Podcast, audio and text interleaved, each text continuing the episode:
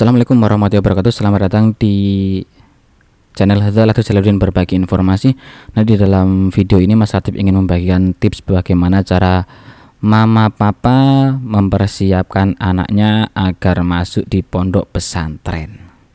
Gitu ya. Jadi uh, ada pertanyaan, Mas Latif apakah di pesantren? Ya, saya di pesantren di pesantren Al Furqon di Kecamatan Meranggen Kabupaten Demak jadi saya itu menjadi santri sudah lama.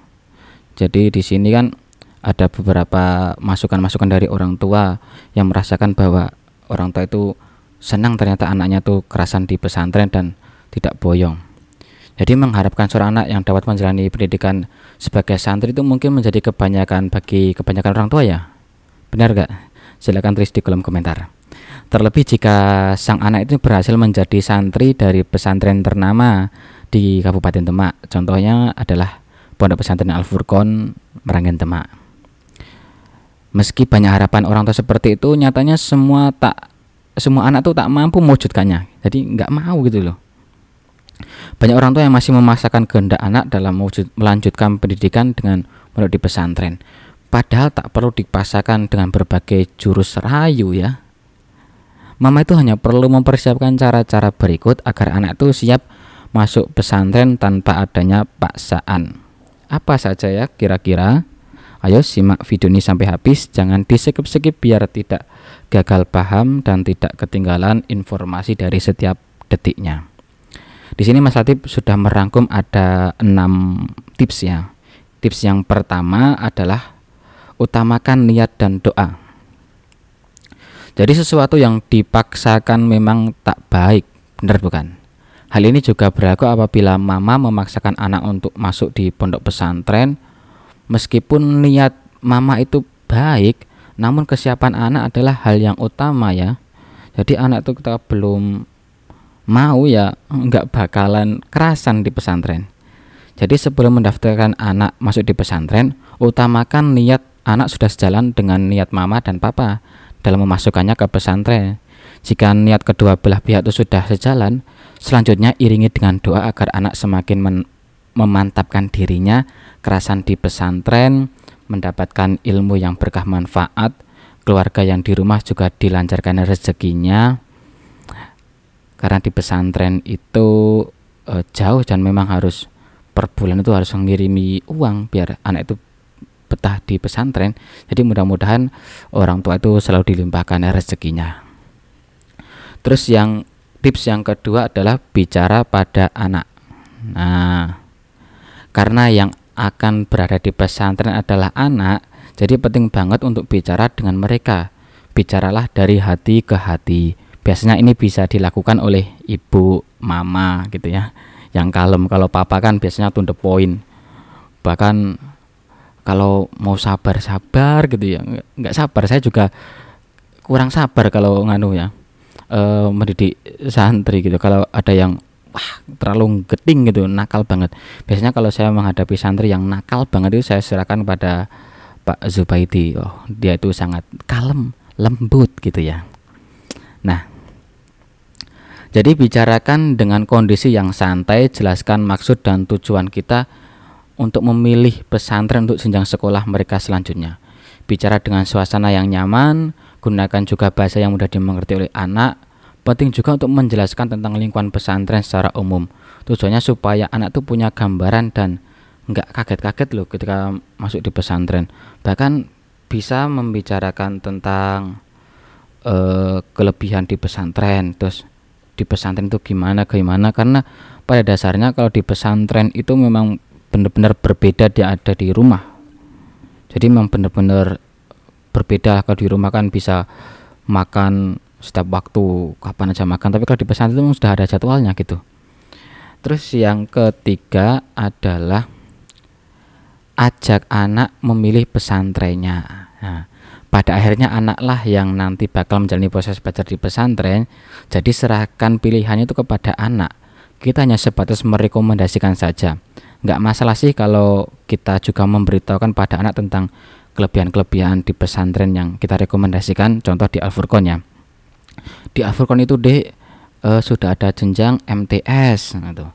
terus uh, kalau yang ingin masuk di SMK D di Alfurqon itu ada sekolahan SMK SMK-nya jurusannya ada TKJ dan TKR dan sudah bekerja sama dengan Nasmoko Demak sudah bekerja sama dengan DUDI yang memang benar-benar terpercaya.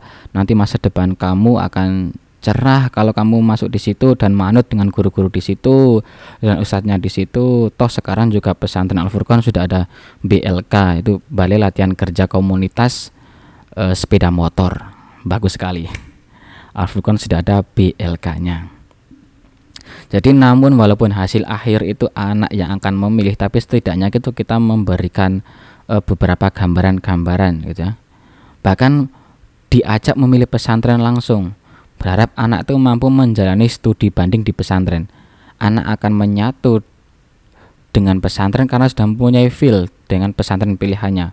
Kalau sudah enjoy, bukan gak mungkin kalau nanti mereka bakal punya prestasi di pesantren itu. Banyak loh santri yang kayak gitu, uh, yang dulunya itu nggak mau nyantri gitu. Ternyata ketika sudah di pesantren itu niat itu berubah jadi menjadi benar-benar santri yang uh, bagus pintar. Contoh saya itu memiliki uh, adik kelas. Saya itu namanya Mas Anik. Itu dulunya juga sering nonton konser. Tapi ketika di pesantren malah sekarang malah menguasai nahwu dan sorof mengalahkan saya. Bagus uh, Mas Anik Ulinaim dari Gerobokan terus yang keempat adalah mulai berlatih hidup seperti di pesantren.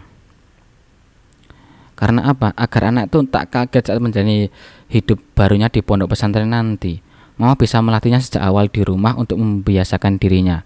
Sama seperti sekolah formal pada umumnya, pesantren juga nantinya akan memiliki banyak kegiatan setiap harinya. Mama bisa melatih dengan membuat aturan-aturan buat anak mirip dengan pesantren. Misalnya saja, misalnya saja ya, anak itu eh, nggak memberikan HP kepada anak, tidak memperbolehkan menonton TV, mengajak anak untuk salat tepat waktu, mengaji secara teratur, serta terbiasa hidup disiplin dan rapi setiap harinya. Nah, langkah awal mama bisa membiasakan anak untuk bangun pagi dan sholat subuh berjamaah. Langkah ini bisa menjadi cara awal agar anak terbiasa menjalani kebiasaan baik ini di pesantrennya nanti. Meski tak mudah, kuncinya adalah sabar. Ingat, jangan memaksa anak. Jangan memaksakan anak ya, Ma. Jadi di pesantren itu memang harus bangun pagi-pagi. Kalau nggak bangun pagi ya nanti ilmunya kepatok ayam gitu. Karena setelah subuh itu ada pasti ada ngaji yaitu. Kalau di Al-Furqan ini ngajinya adalah tafsir Jalalain yang di asu eh, yang di uh, asuh atau diajarkan langsung oleh beliau beliau Al Muharram Bapak Ki Haji Suyitno Ahmad gitu ya. Jadi yang nomor lima adalah jadikan pesantren sebagai reward atas prestasi mereka. Masih banyak orang tua yang menganut kebiasaan zaman dulu yaitu menjadikan pesantren sebagai alat untuk menakuti anak yang dianggap nakal atau tak mau mendengarkan apa kata perkataan orang tua. Seperti berkata, kalau kamu nakal, nggak nurut sama mama, nanti mama masukkan ke pesantren ya, gitu ya. Wah anak jadi, wah nggak mau, nggak mau, nggak mau. Itu jangan menakut-nakuti. Jadi jadikan pesantren sebagai reward atau sebagai prestasi. Kalau menakut-nakuti, hal ini membuat pesantren dipandang negatif, dibanyakan anak-anak, jadi nggak mau. Jadi mereka beranggapan pesantren adalah tempat yang pembuangan anak nakal dan tak menurut pada perkataan orang tua. Jadi untuk mempersiapkan mental anak sebelum ke pesantren, mama harus membalikan persepsi atau stigma zaman dulu seperti tadi ya. Sebaiknya mama itu mengajak menjadikan pesantren sebagai reward atau hadiah atas pencapaian prestasi anak. Misal saat anak naik kelas dan berhasil mendapatkan pesantren ternama, mama bisa mengatakan, Alhamdulillah anak mama pintar bisa masuk pesantren ternama. Pesantren itu tepatnya berkumpul-kumpul orang baik loh orang pintar loh. Nggak semua anak bisa masuk di pesantren itu. Di situ ada beberapa soal-soal atau beberapa uh, ujian ketika mau masuk di pesantren gak semua orang bisa. Eh dedek bisa ternyata nilai nahwunya 9 nilai tajwidnya 3 tapi yang memberatkan bisa masuk di pesantren nahwunya. Alhamdulillah anak pintar. Nah gitu loh. Jadi orang tua sudah memberikan pandangan positif bagi anak sendiri sejak dini. Maka anak akan lebih semangat untuk mewujudkan harapan orang tua untuk menjadi seorang santri itu dan dicoba pelan-pelan ya yuk ma gitu. Terus yang keenam ya ini itu harus ikhlas. Ikhlas nggak ada mata pelajarannya. Ikhlas perlu latihan dan nggak bisa ujuk-ujuk datang dengan sendirinya. Udah ikhlas gitu. Ikhlas itu berat gitu. tapi kalau kita sudah menguasainya semuanya bakal terasa mudah. Jadi harus belajar ikhlas. Jadi ada kan yang baru mempunyai anak satu, anak kesayangan di pondokan pesantren. Anaknya itu sudah sudah kerasan di pesantren. Eh ternyata mamanya setiap hari nangis mulu. Nanti anak itu bakal jadi grek, jadi grek ketika anu ah tuh jadi pengen pulang lah.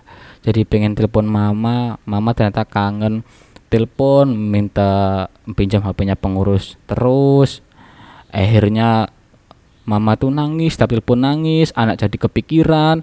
Setelah kepikiran dia memiliki asumsi untuk boyong dan pastinya membuat beberapa alasan seperti itu dan membuat alasan yang bisa e, merayu orang tua. Karena pada dasarnya orang tua itu nggak ikhlas e, belum bisa ikhlas terus anak memberikan alasan mah di sini makannya cuma hanya tiga kali. Aduh kasihan sekali anakku. Biasanya kamu makannya lima kali di rumah sekarang kok di sini tiga kali. Ya udah yuk boyong aja. Aduh jangan gitu. Jadi orang tua itu harus e, ikhlas dulu kalau anaknya udah ada di pesantren. Awalnya itu memang berat tapi mau nggak mau kita harus ikhlas. Karena itu semua membuat kebaikan si anak juga kalau kita beratnya dan gak ikhlas, anak pun bakal resah belajar di pesantren karena gelombang kita ini bakal sampai ke anak gitu. Gelombang orang tua itu sampai ke anak, bener gak? Tapi ini bener sekali kenyataannya seperti itu. Jadi kalau kita ikhlas lillahi ta'ala anak pun bakal enak dan betah belajarnya dia akan lebih cepat menyerap pelajaran dan beradaptasi gitu jadi harus benar-benar ikhlas bapak ibu mungkin uh, satu bulan dua bulan ini terasa berat tapi ketika sudah beberapa bulan sudah terbiasa pastinya bagus sekali. Tapi kuncinya adalah bapak ibu itu harus ikhlas di pesantren. Walaupun anak itu sudah ikhlas sudah beradaptasi dengan di pesantren tapi kok bapak ibunya tuh kok aduh anakku gimana ya? Aduh anakku gimana ya? Itu anak pun pasti resah belajarnya. Pasti timbulnya rasa kangen terus. Dulu aja saya uh, ketika mau pulang di rumah malah dipelatotin sama orang tua suruh ke pesantren lagi. Akhirnya saya tuh jarang pulang hanya di pesantren. Ah betah dah di pesantren enak di pesantren itu. Apalagi di sini yang sudah lulus tuh bisa bekerja dan malamnya itu membantu di pondok pesantren gitu. Dan juga bisa kuliah yang mau kuliah juga bisa. Sekarang sudah enak sudah nggak zaman kayak zaman dulu. Zaman dulu tuh uh, belum ada BLK sekarang sudah ada BLK jadi setiap lulusan SMK Furkon tuh bisa langsung masuk di BLK dan nanti dapat sertifikat dan di mana sertifikat itu bisa buat melamar pekerjaan. Gitu ya Bapak Ibu. Jadi itu adalah beberapa tips untuk memantapkan Bapak Ibu agar anak itu bisa masuk di pondok pesantren. Jadi di pesantren itu enak. Nah, santri untuk negeri apa tuh slogannya? Saya lupa. Udah gitu aja ini uh, cerita dari saya mungkin ini bisa bermanfaat oleh Bapak Ibu semua di rumah. Dan kalau yang mau apa tuh namanya melihat portofolio dari pesantren Al Furqan silakan uh, buka di Instagram pp alfur eh, underscore Al Furqan 15 itu. Itu ada portofolio dari pesantren Al Furqan. Nanti Bapak Ibu bisa lihat atau bisa komentar di bawah ini atau tanya-tanya langsung dengan saya juga bisa. insya Allah saya akan mesti menjawabnya. Dan yang pastinya The Channel Jaludin ini akan memberikan informasi yang bermanfaat. Jika Bapak Ibu menyukai video saya silahkan jempolnya. Jempolnya mana? Oke. Dan jika Bapak Ibu ini uh, mungkin ada temannya yang ingin memasukkan pesantren tapi ternyata resah bisa video ini di share dan Bapak Ibu memang uh, ingin mendukung channel saya ini memberikan hal-hal yang bermanfaat silakan klik tombol subscribe dan bunyikan loncengnya agar Bapak Ibu itu tidak ketinggalan informasi-informasi penting dari channel The Latif Jaludin. Saya Jaludin undur diri. Wassalamualaikum warahmatullahi wabarakatuh.